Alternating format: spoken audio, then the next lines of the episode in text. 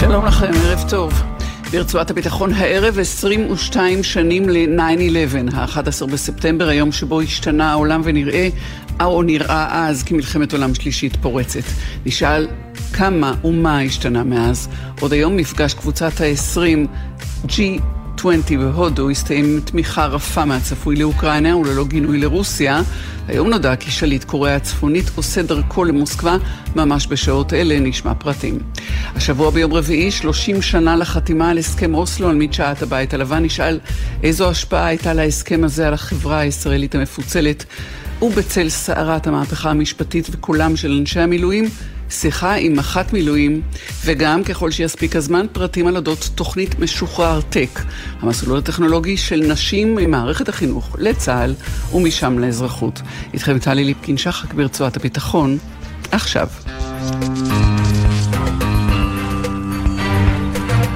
פותחים איתך כתבנו הצבאי דורון קדוש, שלום לך וערב טוב. שוב ערב של נאום אה, שמספק אה, כנס אה, של המכון למדיניות נגד טרור באוניברסיטת רייכמן, דורון.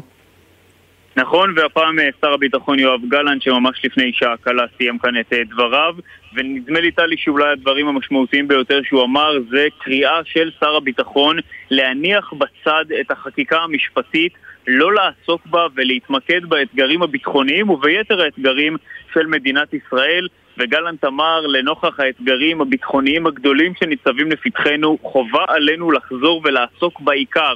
זה קודם לכל מאמץ לאומי אחר. הוא לא אומר אה, באופן מפורש את החקיקה המשפטית, אבל ברור לחלוטין שעל זה הוא מדבר. והוא אומר, כל השאר נכון שיחכה לעיתוי ולאופן המתאים. ובנוסף לדברים האלה, שר הביטחון גלנט גם משמיע אזהרה על ההשלכות אה, מרחיקות הלכת שיש לחקיקה המשפטית על צה"ל, על מערכת הביטחון, אה, ביתר אה, שאת כמובן על חיל האוויר, על אגף המודיעין, והוא אומר המשך המאבק הפנימי מסכן את צה"ל ומסכן את היכולת שלנו להקנות ביטחון למדינת ישראל. שינויים מרכזיים עושים בהסכמה רחבה.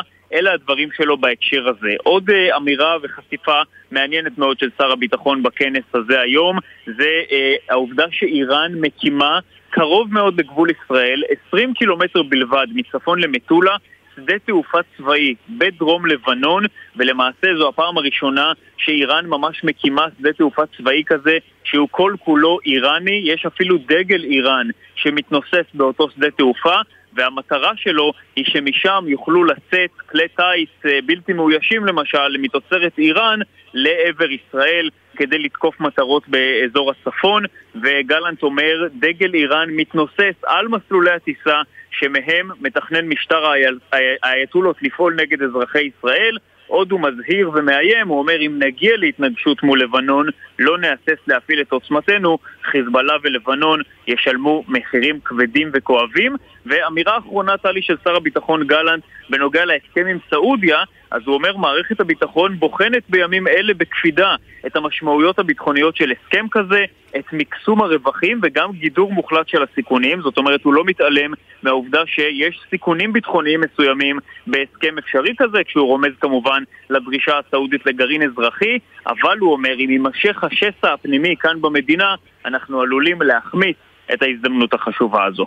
נדמה שהבמה של הכנס של המכון למדיניות נגד טרור הופכת להיות הבמה שבאמצעותה משגרים בימים האחרונים את המסרים החשובים ביותר גם אל תוך מדינת ישראל וגם אל אויבינו שבחוץ.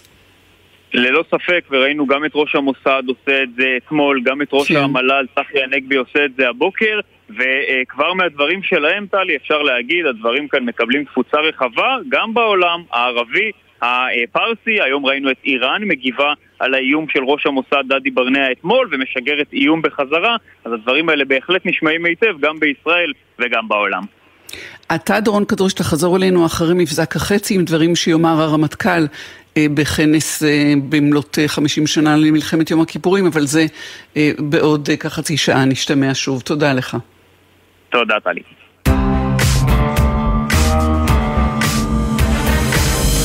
אמרנו כנס המכון למדיניות נגד טרור, אמרנו 22 שנים ל-9-11. שלום לך פרופסור מורן ירחי, ראש ההתמחות בתודעה והשפעה בבית הספר לתקשורת, גם ראש התוכנית לדיפלומטיה ציבורית באוניברסיטת רייכמן. ערב טוב לך. ערב טוב לכולם. אז בכנס הזה היום מושב שעוסק, איך נגיד, לפחות בהגדרה שלי, הדרך שעשה העולם אה, ביצירת כאוס או אה, אה, בהכוונת טרור באמצעים אחרים. אם לפני 22 שנים נכנסו מטוסים בגורדי השחקים בניו יורק ופוצצו עצמם או התרסקו גם באתרים נוספים בארצות הברית, לא צריך היום לפעול באופן הזה, גם אי אפשר. יש לנו, יש לנו סייבר, סבר, יש לנו אה, AI, אה, אה, אינטליגנציה מלאכותית, יש לנו דרכים אחרות לחולל את אותו, אותו כאוס ואותו טרור. לחלוטין, אנחנו מדברים בעצם על עידן של לוחמת מידע.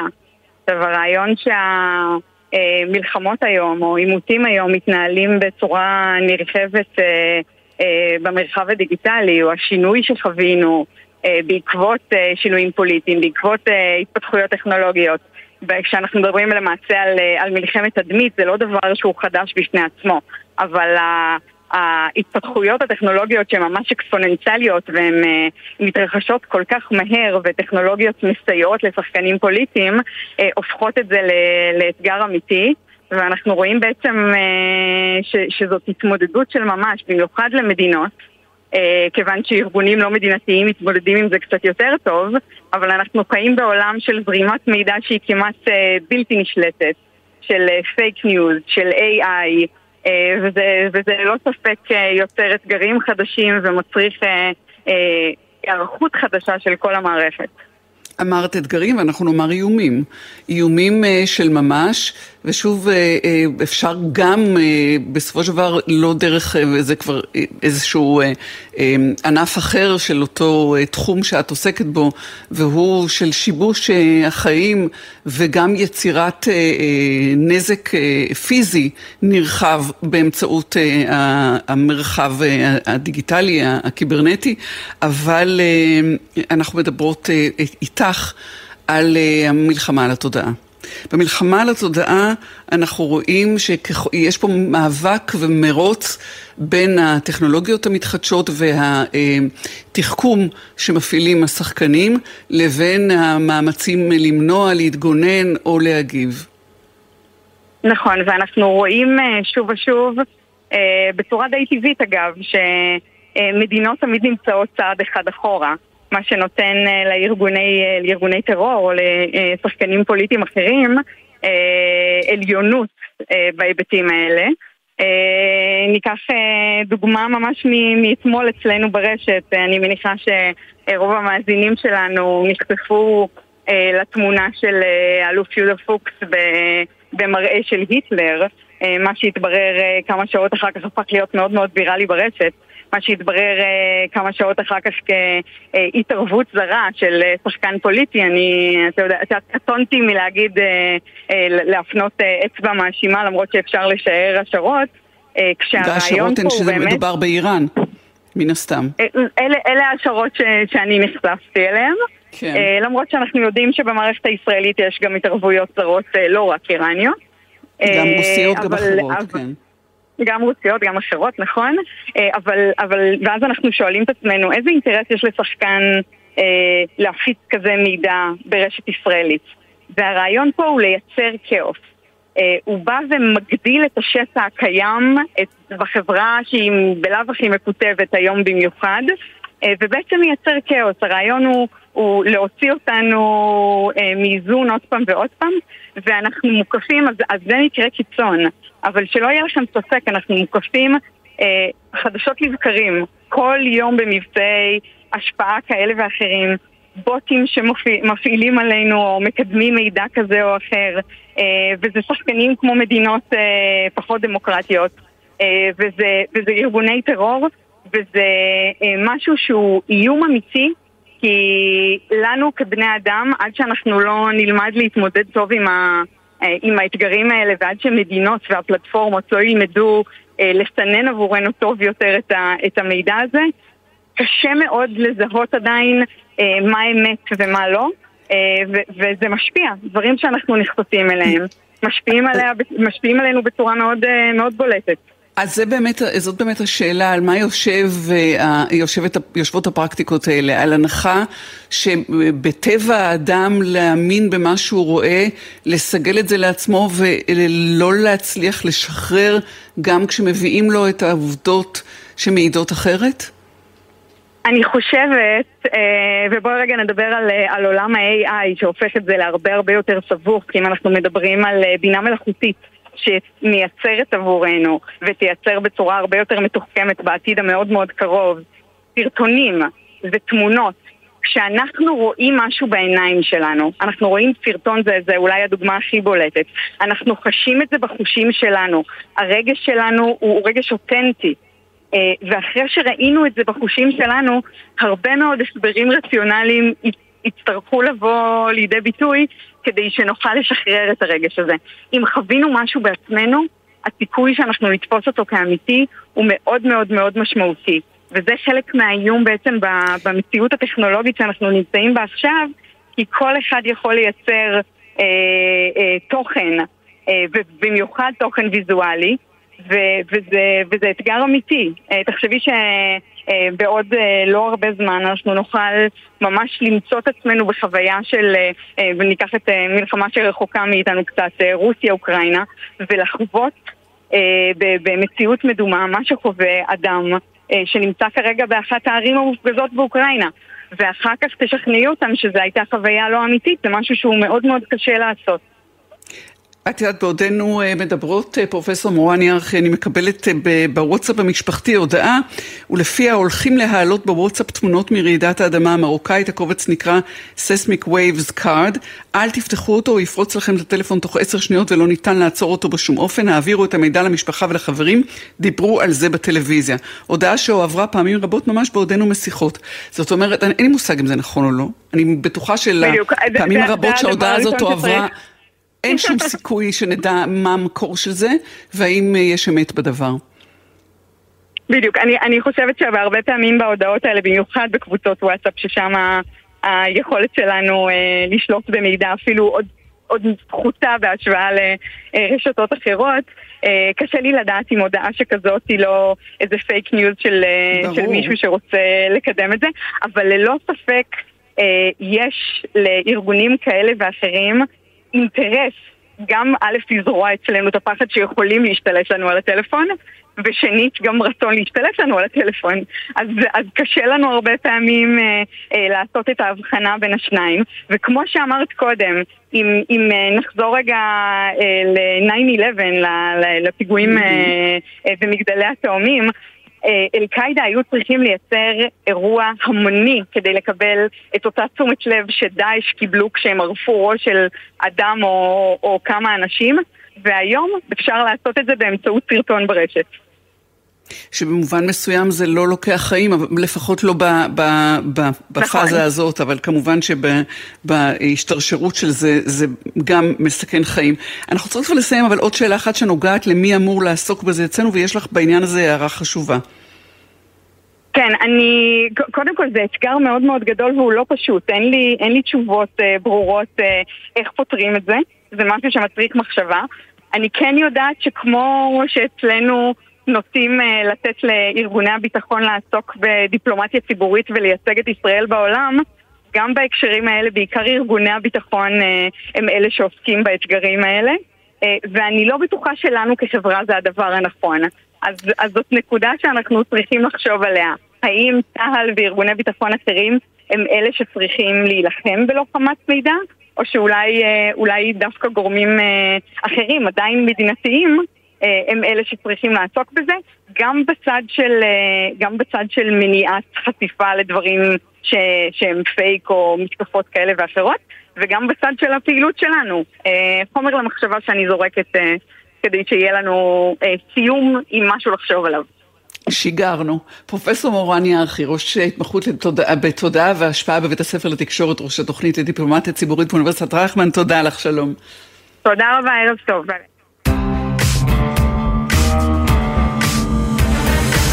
מכאן אה, לדברים מאוד אה, ארציים, דוקטור אה, אלון לבקוביץ', מומחה לקוריאה באוניברסיטת בר אילן, שלום לך, ערב טוב. ערב טוב טלי, הוא בהמשך לשיחה הקודמת שהייתה מאוד מעניינת. אנחנו נדבר על מדינה חשובה ביקום שנקראת קוריאה הצפונית. אני רואה שאתה רוצה, אתה לוקח לי את עבודת ההנחיה, אבל אנחנו לא נוכל להפוך תפקידים כי אני לא מתמחה בקוריאה הצפונית. אז בואו נעשה את זה מסודר. אנחנו הולכים אוקיי. לדבר על מה שהיום... הופץ אה, ברבים והוא לא פייק ניוז, הוא ביקור אה, של אה, שליט קוריאה הצפונית קים ג'ונג און, הוא עושה דרכו למוסקבה להיפגש עם שליט רוסיה פוטין, בשעה שבהודו סגרו את ועידת ה-G20 בנוכחות נמוכת דרג של רוסיה ושל סין. מין, הייתי קוראת לזה אולי הפגנה של ברית המנודות קוריאה הצפונית אה, ורוסיה נפגשות. נכון, א' חשוב להגיד שהוא נוסע ברכבת, יש לו רכבת אה, משלו, רכבת משוריינת שמוגנת מפני ניסיונות אה, לחסל אותו. אה, כפי שציינת, זה אכן אה, ברית, אה, ברית המנודים, למרות שהם אה, רואים את עצמם כמייצגים את האנשים שנפגעים מהמעצמות, ויש פה יצירת משחק בינלאומי חדש. יש לנו פה את עלייתה של הודו, דובר בתקשורת על, על הנתיב שהולכים לבנות מהודו דרך המזרח התיכון לכיוון אירופה, שיהווה תחרות ל... דרך המשי הסינית, אז יש פה מאבקי כוחות מבחינתו של אה, קים ג'ונג און, הוא, לא, הוא, הוא ממעט לעזוב את מדינתו, אה, מכיוון שקיים חשש שאם הוא יעזוב, אה, ידאגו לעשות שינויים בשלטון, ו, ולכן הוא מעט מאוד יוצא מחוץ לגבולות קוריאה הצפונית, גם אין לו הרבה מקומות לאן לבקר. הבחירה שלו לבקר, לבקר את פוטין, יש פה מסר, הנה אני עדיין שחקן חשוב בזירה הבינלאומית, אבל מבחינתו ההיבט היותר חשוב הוא ההיבט העסקי. אה, היכולת שלו להציע לרוסיה אה, מערכות נשק, אה, טילים, פגזים, שלהם זקוקה רוסיה, כי מספר הלקוחות שיכולים להציע לה את הסחורה הזו, הם, מספר היצרניות הם, הוא מועט, ומבחינתה של קוריאה הצפונית, לאור אי ביטול הסנקציות, גם תחת הנשיא ביידן, הם צריכים מקורות הכנסה חלופיים. כן, אנחנו נגיד שצפון, קוריאה הצפונית אה, תומכת או מצדדת אה, ברוסיה מהרגע הראשון של המלחמה באוקראינה, אה, ולכן אך טבעי הדבר, ובכל זאת יש איזשהו אה, מימד אה, של הפגנה ב, ב, בתזמון הזה של, ה, של המפגש. אגב, זה באמת במוסקבה או שבאיזשהו אזור קרוב יותר שלא צריך לא, להרחיק לא, לא, לדוד עם הרכבת? לא, לא, לא. אה, זהו, ברור שלא. אזור קרוב יותר, כן. כי הנסיעה למוסקבה תיקח אה, יותר מדי ימים, כן. הוא אמור לפגוש אותו, אם אינני טועה, ביום רביעי. יש פה, יש פה התרסה, כי זה לא רק הפסגה שהייתה בהודו עם ההחלטות שהם בחלקן הסינים מפרשים אותם כאנטי-סינים, אלא יש פה קדם לפני כן הפסגה שהתקיימה בקמפ דיוויד בין אה, נשיא קוריאה הדרומית, ראש ממשלת אה, יפן, אה, כן. וביידן שחתמו על הסכמות להגברת שיתוף הפעולה המודיעיני, שזה שיפור ביחסים בין קוריאה ליפן, והצהירו מראש האיום המרכזי היא קוריאה הצפונית וגם סין, אז יש פה ניסיונות של קים ג'ונג לחזק את מעמדו באזור מול איומים שהוא רואה אותם בעיקר האיום האמריקאי, ולשפר את היחסים עם רוסיה, ובמקרה הזה מכיוון שרוסיה אה, אין, לא נשארו לה הרבה ידידים חוץ מהידידים הקרובים שגם הם לא נחמדים, אז שני המנהיגים פה אה, יש להם רווח כפול, אה, אה, אחד יכול לחבק את השני, לקבל הכרה, אבל מעבר לזה אין פה שום שינוי. האמריקאים מצקצקים, מצקצקים ואומרים אנחנו נטיל עוד סנקציות, אבל זה לא מפריע לצפון קוראנים אה, להמשיך אה, למכור, אה, לעשות ניסויי טילים. לצערם הניסויי הטילים של שיגור לפעמים כשלו, אבל הם ימשיכו בזה מתוך הבנה שהצפון, שארה"ב לא תוכל למנוע את זה ו... בטווח הקרוב. מה מקומה של סין? עד כמה שליט סין מעורה או מעורב כשמפגש כזה מתקיים? אה, זה מאפשר, אה, הסינים משחקים אה, פה תפקיד מורכב מכיוון שהרוסים היו שמחים אם הסינים היו מסייעים להם יותר.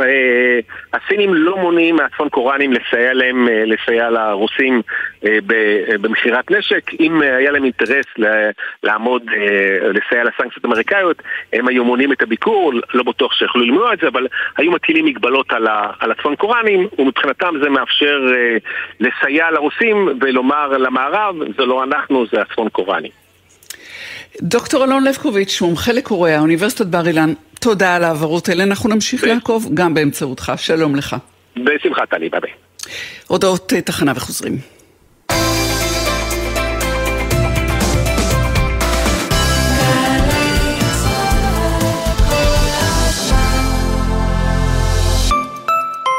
מהאולפנה והתיכון למשרד הביטחון. אנחנו מבטיחים לך תפקיד איכותי ועתיד משמעותי בליבת העשייה הביטחונית של מדינת ישראל. מצוינות וציונות הן אצלך בנשמה? בואי לשירות לאומי משמעותי במשרד הביטחון. במגוון תפקידי ספר סייבר, טכנולוגיה, הדרכה, לוגיסטיקה, משאבי אנוש ותקשורת. ותוכלי להיות חלק מן העתיד הביטחוני של המדינה ושלך. ההרשמה לשירות הלאומי החלה. פרטים באתר עמותת של שילה, עמותת בת עמי, עמותת שלומית שילת ומשרד הביטחון.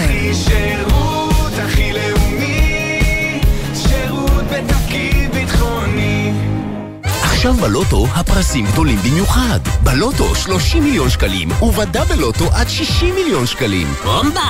המכירה אסורה למי שטרם מלאו לו 18. אזהרה, הימורים עלולים להיות ממכרים. הזכייה תלויה במזל בלבד.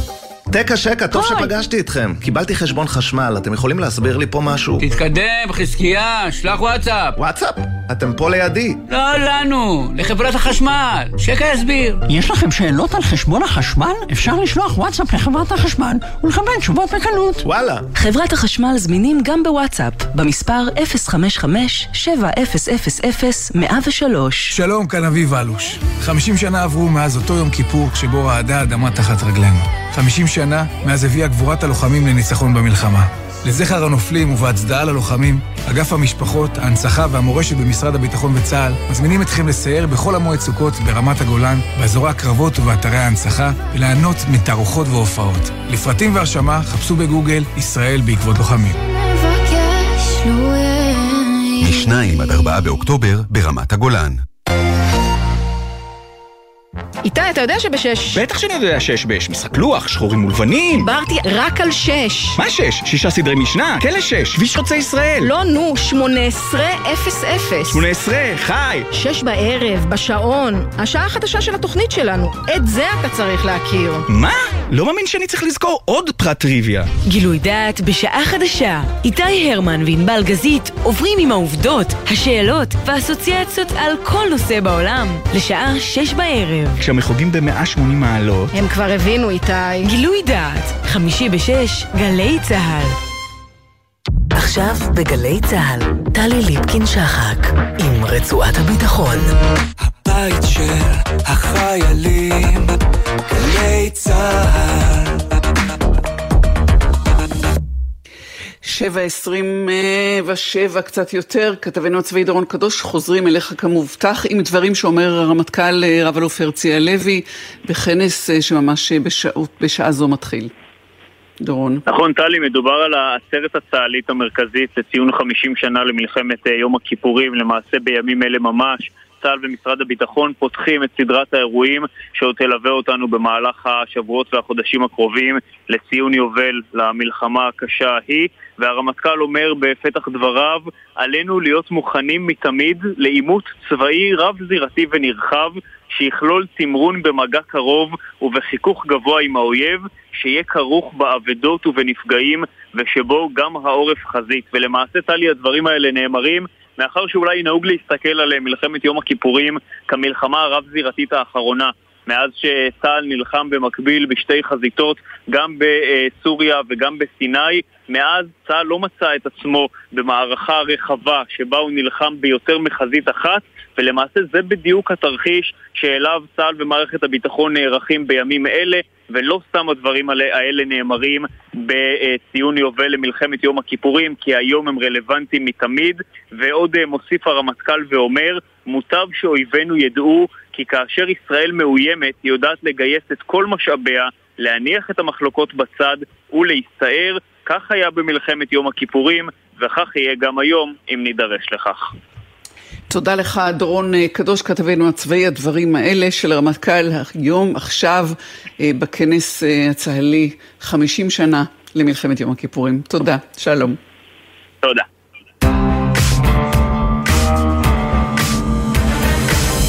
ועכשיו 30 שנה להסכמי אוסלו. על מדשאת הבית הלבן הייתה חתימה, הארץ געשה, זה נגמר. ברצח ראש ממשלה ב-4 בנובמבר 1995 במחלוקת ששיסעה את החברה הישראלית, קראה לגזרים אה, ואפשר להניח שהדיה אה, ותוצאותיה אה, נוגעים בנו ומפעילים אותנו גם היום. דוקטור לירן הרסגור מבית הספר למדעי המדינה באוניברסיטת חיפה, שלום לך. שלום, ערב טוב. ערב טוב. אני אשאל שאלה לגמרי פתוחה. עד כמה החברה הישראלית 2023 מושפעת מהסכמי אוסלו, ואת אה, בודקת את הכיוונים של מדע המדינה, את ההתפלגויות הפוליטיות, או ההשפעה של הסנטימנט אה, בנושאים הפוליטיים על, אה, על, על החברה. כן, זאת שאלה טובה. אמ, אני אגיד שבאופן כללי כשאנחנו מסתכלים על, אה, על השסעים הפוליטיים המרכזיים שמעצבים את אה, דעת הקהל וההתנהגות הפוליטית בישראל אה, אנחנו רואים שבעצם מאז שנות ה-80 שהתקבעה הסוגיה של השטחים והשאלה של פשרות טריטוריאליות בתור הסוגיה המרכזית שמפלגת בעצם בין ימין ושמאל הסוגיה הזאת היא ממשיכה והולכת איתנו אה, מאז.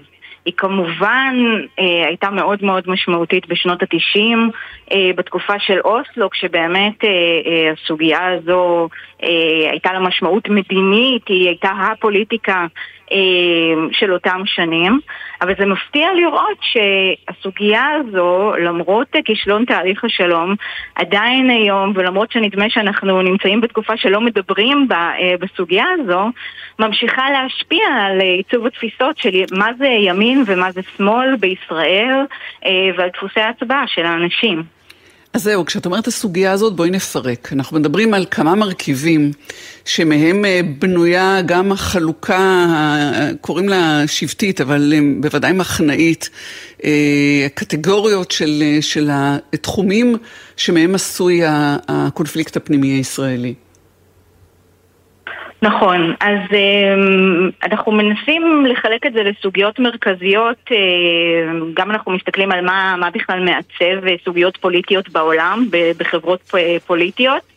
אה, בישראל נהוג לדבר על הכלכלה, אה, ובשנים האחרונות גם על ציר תרבותי שמתייחס לליברליזם ושמרנות ודת וחילוניות וכולי. אבל בחברות כמו ישראל שנמצאות בסכסוך כל כך משמעותי, אמ, אנחנו יודעים שלא רק בישראל, אבל בהחלט גם בישראל, לסכסוך יש אה, אה, חשיבות מאוד גדולה בפוליטיקה. ואז השאלה באמת איך הסוגיות האלה אמ, משתלבות ומבנות גם זהויות וגם אה, דפוסי הצבעה. מה שאנחנו רואים לאורך השנים זה שיש איזושהי חפיפה בסוגיות האלה. אמנם הסוגיה הכלכלית היא כאילו כל הזמן איתנו, אבל עמדות בנושאים הכלכליים לא כל כך מנבאות ומשפיעות על אה, הגדרה של אנשים במחנה השמאל או הימין או על דפוסי ההצבעה שלהם. הסוגיה של דת ומדינה כל הזמן מלווה אותנו, אה, אבל היא יותר משנית. ובעצם הסוגיה אה, שקשורה ביחס לפלסטינים, הנכונות למדינה פלסטינית, אה, יש לה משמעות ממש גדולה באופן שבו אנשים מגדירים את עצמם כימין ושמאל בישראל. ואת רואה אה, לאורך השנים אה, השתנות, אה, איזושהי דינמיות ב, בהתייחסות לסוגיה, אה, את, את קוראת לזה אה, הפלסטינית, אבל אנחנו מדברים היום על אה, היחס לערבים ישראלים, ועל איזושהי פוליטיקה של זהויות שיושבת לכאורה על אותו קונפליקט, אבל היא כבר מעבר לזה. אלה דברים שהם כבר מעבר ליחס אה, אה, לפלסטינים פר סה. כן, נכון. זה בעצם לא רק הסוגיה של, ה, אה, של הסכסוך הישראלי-פלסטיני. או כן או לא שטחים. נכון. אה, זה גם קשור בעצם לגבולות של מה שנקרא מדינה יהודית. Mm-hmm. מה זה אומר בכלל מדינה יהודית, היחסים עם המיעוט הלא יהודי בישראל. אה, ראינו את זה על, על רקע גם אה, קואליציית השינוי או ממשלת השינוי. העניין הזה של שילוב מפלגה ערבית בקואליציה, כן, לא. הדברים האלה נוגעים באותו שסע בעצם. זה נכון שהם לא אותו דבר, אבל הם נוגעים, באותם בעצם קווי חלוקה בין, ה, בין המחנות הפוליטיים. אמ, מה שהשתנה בצורה משמעותית מאז אה, אוסלו זה נעשה יותר מורכב אה, מאז שהתהליך השלום נכשל. כי אם קודם הייתה לנו חלוקה בדעת הקהל לניצים ויונים, אז אחרי mm-hmm. תהליך, אה, אחרי כישלון התהליך, ובמיוחד אחרי שחמאס מנצח בבחירות הפלסטיניות ב-2006, אז נוצרת קבוצת בוחרים בישראל שמצד אחד מאמינה בפתרון שתי המדינות ובזכות של הפלסטינים להגדרה עצמית, ומצד שני לא מאמינה בפלסטינים, בפלסטינים ולא מאמינה באפשרות להגיע להסכם שלום. ואותה קבוצה לא מוצאת את עצמה לא בימין, כי הם לא אנשי ארץ ישראל השלמה, אבל גם לא בשמאל, כי הוא נתפס נאיבי מדי. וזה בעצם גרעין הבוחרים שהיווה את הבסיס אה, התמיכה למפלגת קדימה אה, ולכל מפלגות המרכז שקמו מאז, אנחנו רואים את כל המפלגות האלה, בעצם מהדהדות את המסר שהוא מצד אחד תמיכה עקרונית בהיפרדות מהפלסטינים, אבל ספקנות מאוד עמוקה אה, ביחס לאפשרות של אה, יישום הדבר הזה בפועל. אני יודעת שאני מדברת עם אשת מדע המדינה, חוקרת מדע המדינה ולא סוציולוגית ובוודאי לא פסיכולוגית, ובכל זאת המרכיב הרגשי בהתייחסות לסוגיות האלה שעל הפרק הוא, אה, יש לו אה, העצמה בעקבות אוסלו, עד כמה אה, אירוע אוסלו מוסיף את המרכיב הזה אל דפוסי הצבעה, אל דפוסי חשיבה פוליטית או, או חלוקה. Mm-hmm. זה, זה מעניין אה, לחשוב על, על, מה, על, על האירועים המשמעותיים ש, שמשפיעים עלינו אה, כשאנחנו בעניין של דעת קהל. מה משנה עמדות או מה, מה משנה תפיסות של אנשים בהקשר של, ה, של הסכסוך. אה, ובאמת אנחנו הרבה פעמים נוטים לתת הרבה תשומת לב למשל לטרור ולאלימות. יש פיגוע, יש מבצע בעזה, אז שואלים איך זה ישפיע על דעת הקהל. ויש מחקרים שמראים תגובות רגשיות. שמושפעות מכעס או מפחד או מחרדה, כל אחת מהן עושה אפקט קצת אחר אה, על דעת הקהל ועל עמדות של אנשים. העניין הוא שהתגובות האלה הן בדרך כלל קצרות טווח. ובמיוחד כשאנחנו בקונטקסט של אה, סכסוך, שאנשים בו חווים טרור ואלימות מגיל קטן בעוצמות כאלה ואחרות באופן די קבוע לאורך החיים, בסופו של דבר העמדות שלנו בנושא הסכסוך לא נקבעות על פי רמת האלימות. אמ, ומה שקורה זה שאירועים אחרים בדרך כלל פוליטיים או תהליכים פוליטיים, אם אנחנו שואלים מה משנה דעת קהל בצורה משמעותית לאורך זמן, אירועים אחרים יש להם משמעות. במובן הזה אוסלו עשה שינוי. עוד לפני mm-hmm. אוסלו, אם ניקח למשל את, ה, את הביקור של סאדאת ב-77, אז אנחנו רואים שזה היה סיגנל מאוד משמעותי עבור דעת הקהל הישראלית, ממש בסקרי דעת קהל, לפני ואחרי הביקור רואים את השינוי. Mm-hmm. אנשים mm-hmm. הפנימו את הכוונות, שינו את הציפיות שלהם ושינו את העמדות. אז גם אוסלו היה סיגנל מאוד משמעותי מבחינת uh, הציבור הישראלי לגבי הכוונות של אש"ף והפלסטינים באופן כללי. דוקטור לירן הרסגור, בית הספר למדעי המדינה באוניברסיטת חיפה, תודה רבה לך על השיחה המאלפת הזאת. אפשר היה עוד ונעשה עוד. שלום לך. בשמחה, להתראות.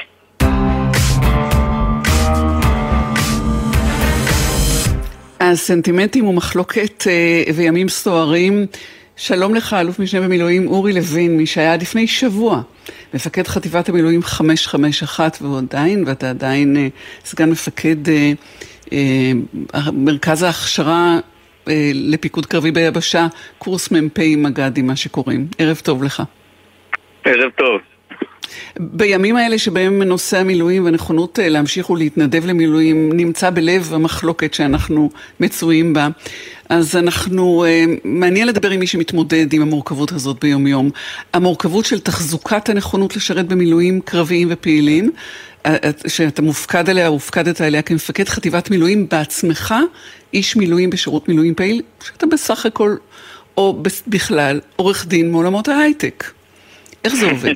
כן, איך זה עובד? תראה, בדרך כלל אה, מח"טים במילואים, זאת אומרת מפקדי חטיבות מילואים הם בדרך כלל אנשי, אה, אנשי סדיר, או יותר נכון אנשי קבע, זה די חריג שיש אה, מקרים של מפקד חטיבת מילואים שהוא בעצמו איש מילואים. זה בדרך כלל אגב קורה בשנים האחרונות רק לתקופות קצרות של מילוי מקום, זה לא, לא לתקופה מלאה. יש לזה אבל גם יתרונות, כי מח"ט במילואים גדל בתוך החטיבה, אז אני mm-hmm. נכנסתי לתוך חטיבה שכולם מכירים אותי, אה, ואני מכיר את כולם, אה, וגם המושגים של מילואים לא זרים לי, וגם האתגר הזה של, של ההתייצבות, שהוא, צריך לומר, אתגר שמלווה אותנו כבר הרבה שנים. מילואים אף פעם לא באים בזמן, בזמן נוח, כשאתה צעיר זה פוגש אותך כשאתה סטודנט, ומתחיל את העבודה החדשה, או מתחיל להקים את המשפחה. כל אחד זה פוגש אותו בשלב אחר. אמ, אני עצמי קורס מ"פים עשיתי אה, בתוך תקופת ההתמחות. אה, קורס מג"דים עשיתי בדיוק כשקיבלתי אחריות על איזו יחידה עסקית בתוך אה, חברת הייטק ש... שעבדתי בה. אבל עדיין אני חושב שהחובה האזרחית אמ, היא, על אף שמילואים הוא, הוא, הוא, הלכה למעשה היום התנדבות. ומי שלא רוצה להגיע לא מגיע מכל סיבה. אבל uh, עדיין החובה האזרחית הזאת, אנחנו לא סתם קוראים לה, לזימון למילואים, אנחנו קוראים לו צו. איבדנו אותך, אורי. אורי? אני לא יודעת אם אתה איתנו, כי אני לא שומעת אותך.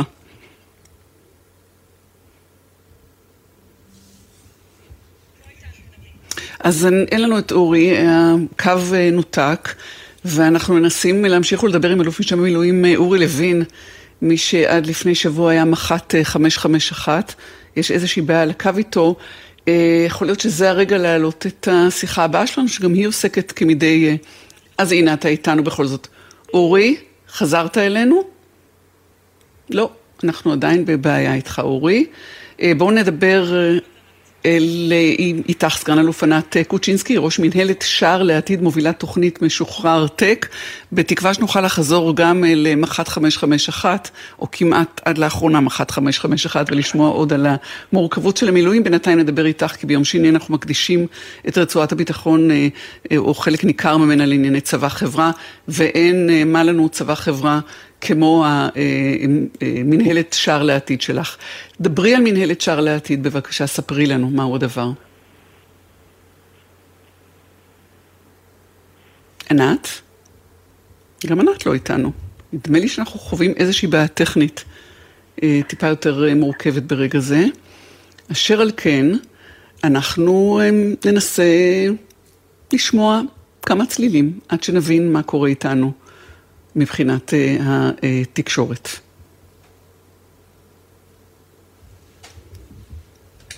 אם החיים הם חידה לא מפורשת, והסודות זורמים בהם כמו נחלים, מנסים למצוא את כל צבעי הקשת, עובדים קשה לבנות פה משהו במילים, ואתה חי בזמן זמני ספור בלוח. ומקווה לשתות את החיים הטוב. ובין כל אלה סך הכל רוצה לשמוח ועל הדרך להגשים איזה חלום. אולי אחרי הכל תגיע לשמיים אולי אחרי הכל תשמח מהחיים. תאמר תודה ותהפוך פתאום למים ותצטרף לים הרחמים אולי אחרי הכל תגיע לשמיים, אולי אחרי הכל תשמח מהחיים. תאמר תודה ותהפוך פתאום למים, ותצטרף לים הרחמים. ים הרחמים.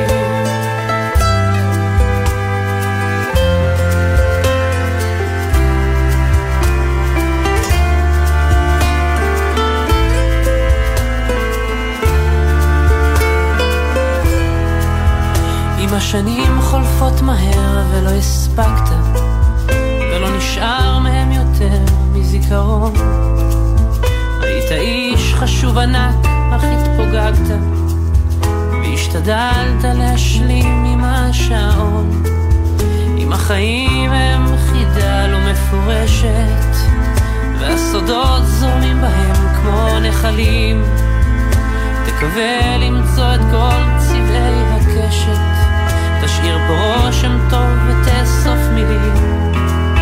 אולי אחרי הכל תגיע לשמיים אולי אחרי הכל תשמח מהחיים. תאמר תודה ותהפוך פתאום למים ותצטרף לים הרחמים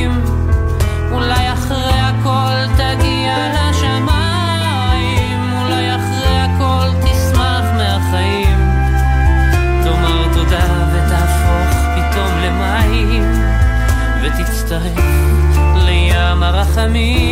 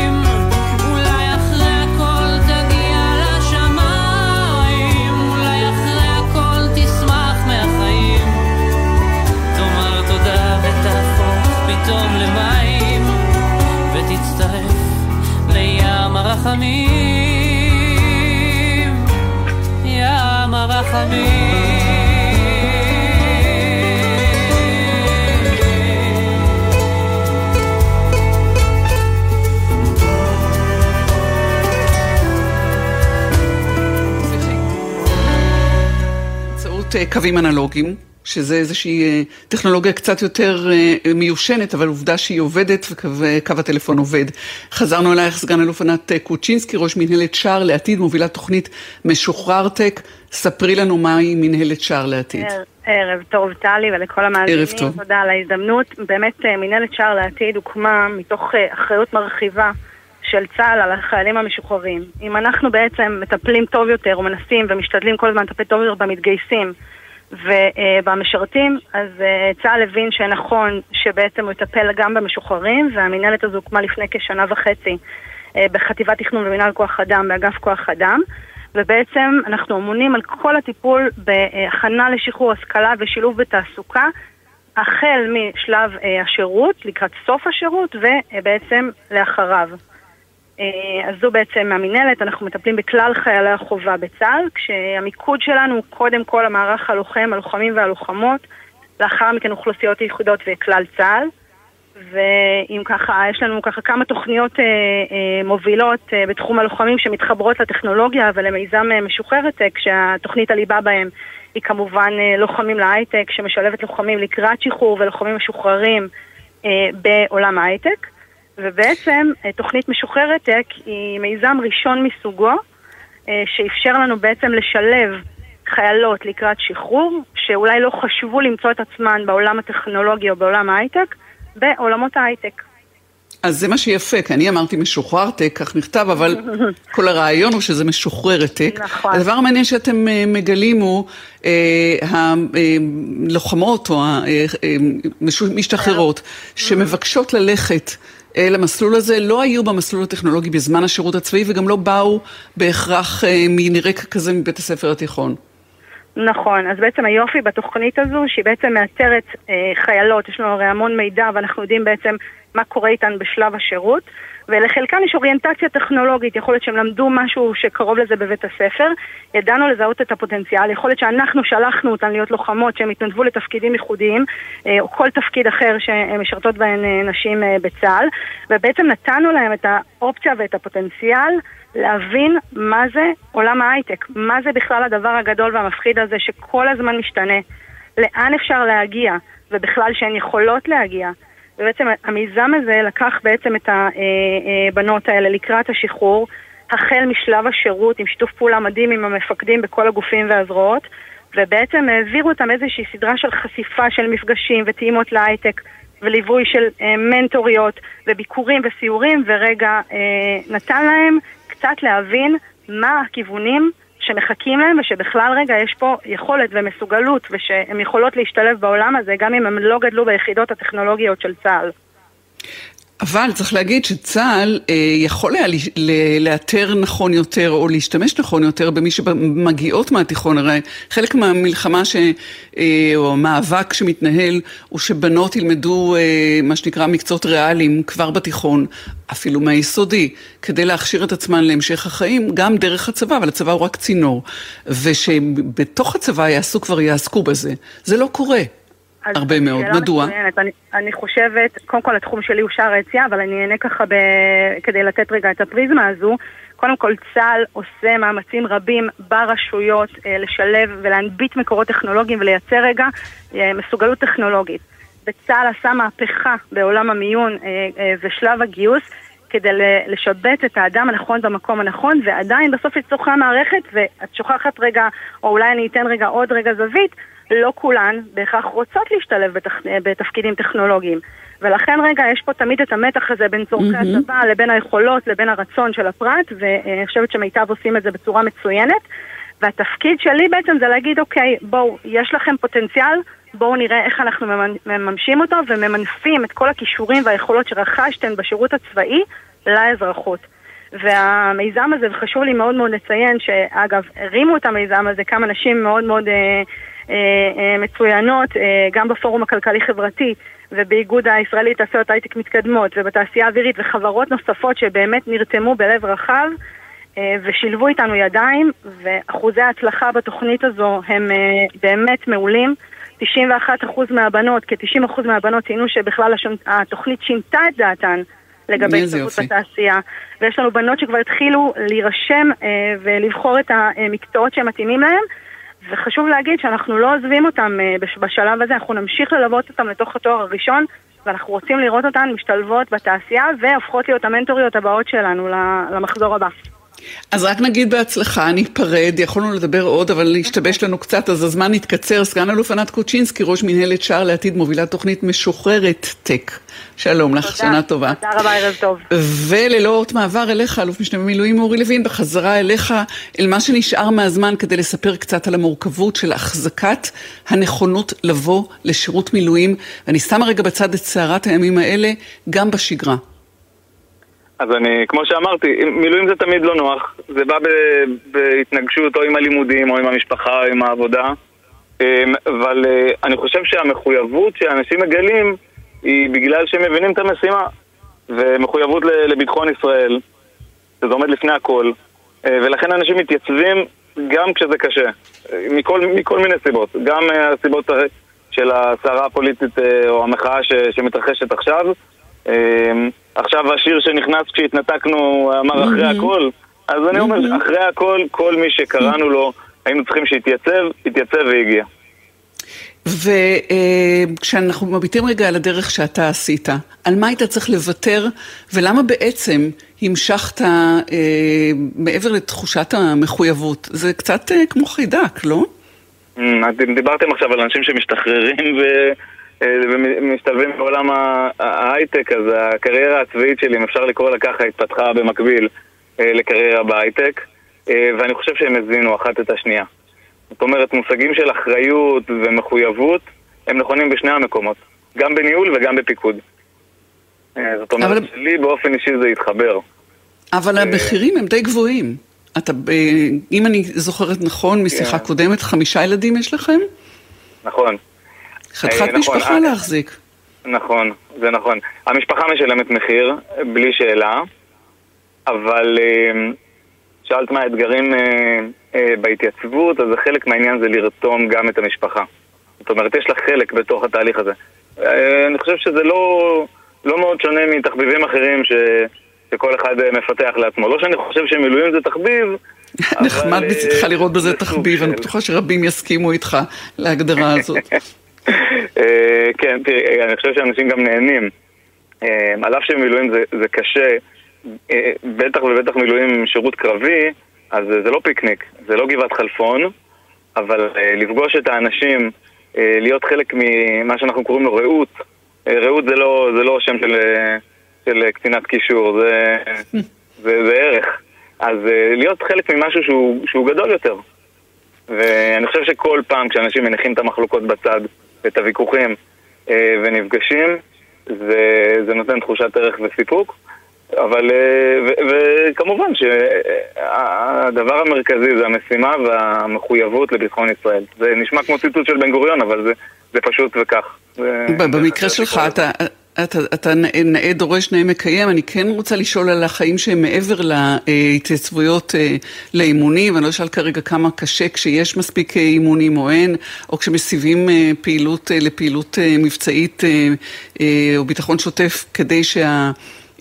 הסדירים יוכלו לענות על, על צרכים מבצעיים מיידיים, אבל מעבר לזה, ביומיום, בשמחות, בצע, בצער של משפחות, הופכים לסוג של משפחה גדולה. כן.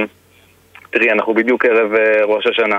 אצלנו בחטיבה יש מנהג שבימים האלה אנחנו מחלקים צנצנות דבש למשפחות השכולות. זה אולי המחיר האולטימטיבי, המוחלט, של המחויבות לביטחון ישראל. את מדמיינת את התמונה הזאת של איש מילואים בהתנדבות, לא על צה"ל ולא על מדים, שנוסע לבקר משפחה שכולה, שנה אחרי שנה, במקרה שלנו חללי משפחות, חללי לבנון השנייה זה כבר 17 שנים. זה התנדבות בתוך התנדבות, וזאת מחויבות שהיא טבעית לאנשים שהחובה האזרחית היא, היא, היא ברורה עליהם. זה, זה האנשים הכי טובים שיש לחברה הישראלית להציע, ולכן זה כיף לפגוש אותם. כל פעם מחדש. אם תשאלי את המילואימניק הממוצע למה הוא בא, הוא יגיד לך בשביל החבר'ה. כן, אנחנו יודעים שבעיתות משבר ההתייצבות היא מעל 100%, אבל ביומיום ובשגרה אנחנו מכירים את האופן שבו שירות המילואים מפריע מאוד לפעילות, בטח בלימודים, אמרת שאתה בהתמחות עשית קורס מ"פים, אבל זה לא מובן מאליו, וכשהמדינה לא מתגמלת די, אז גם יש תחושה שיש פה חוזה חד צדדי. כן, תראי, בחלקת האלוהים הקטנה של החטיבה שלי, אני יכול uh, להעיד שמה שמניע את האנשים זה לא, לא התגמול. זאת אומרת, אנשים מצפים שנתייחס לזמן שלהם כמו שצריך, שהאימון יהיה uh, מתוקתק, שיהיה קשוח, שהימ"חים יהיו מסודרים, זה התגמול האמיתי.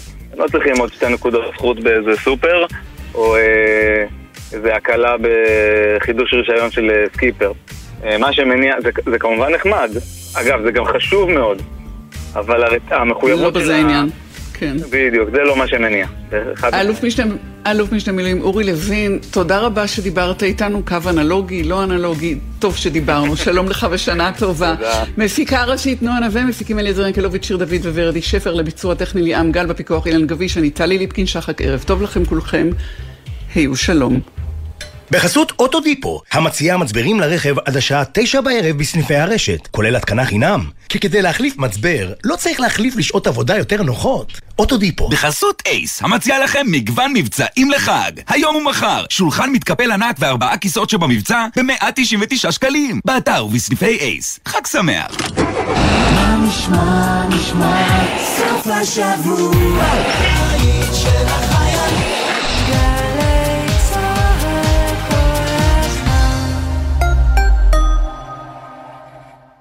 הכירו את אריה, נהג מכבש בפנסיה, עבד במע"צ 45 שנה.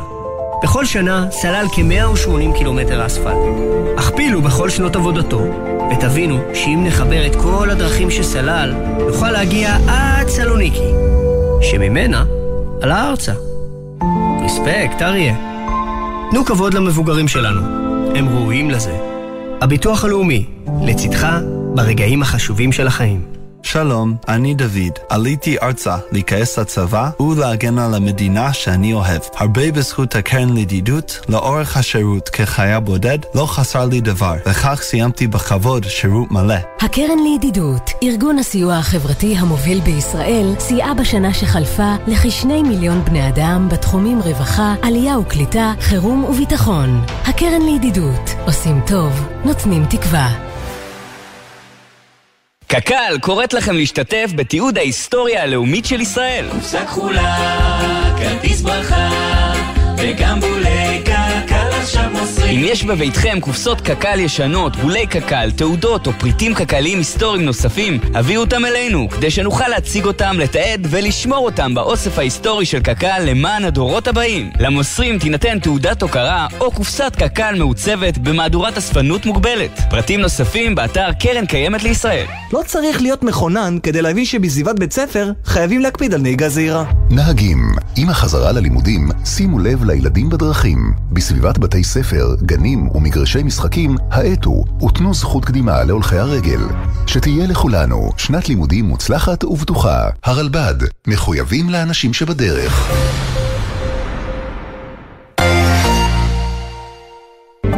איך מדינה קטנה במזרח התיכון הפכה למעצמת הייטק? מי הם האנשים המושכים בחוטים בשוק? והאם הבינה המלאכותית עוד תחליף את כולנו? ברוכים הבאים לסיליקון ואדי, סיפורו הייחודי של ההייטק הישראלי. בכל פרק יוסי מלמד, יושב ראש עמותת בוגרי ממר"ם, יושב אחד על אחד עם בכירי התעשייה הכי מדוברת במדינה. סיליקון ואדי, בכל זמן שתרצו, באתר וביישומון גל"צ גלגלצ, ובכל מקום שאתם מאזינים להסכתים שלכם. אתם מאזינים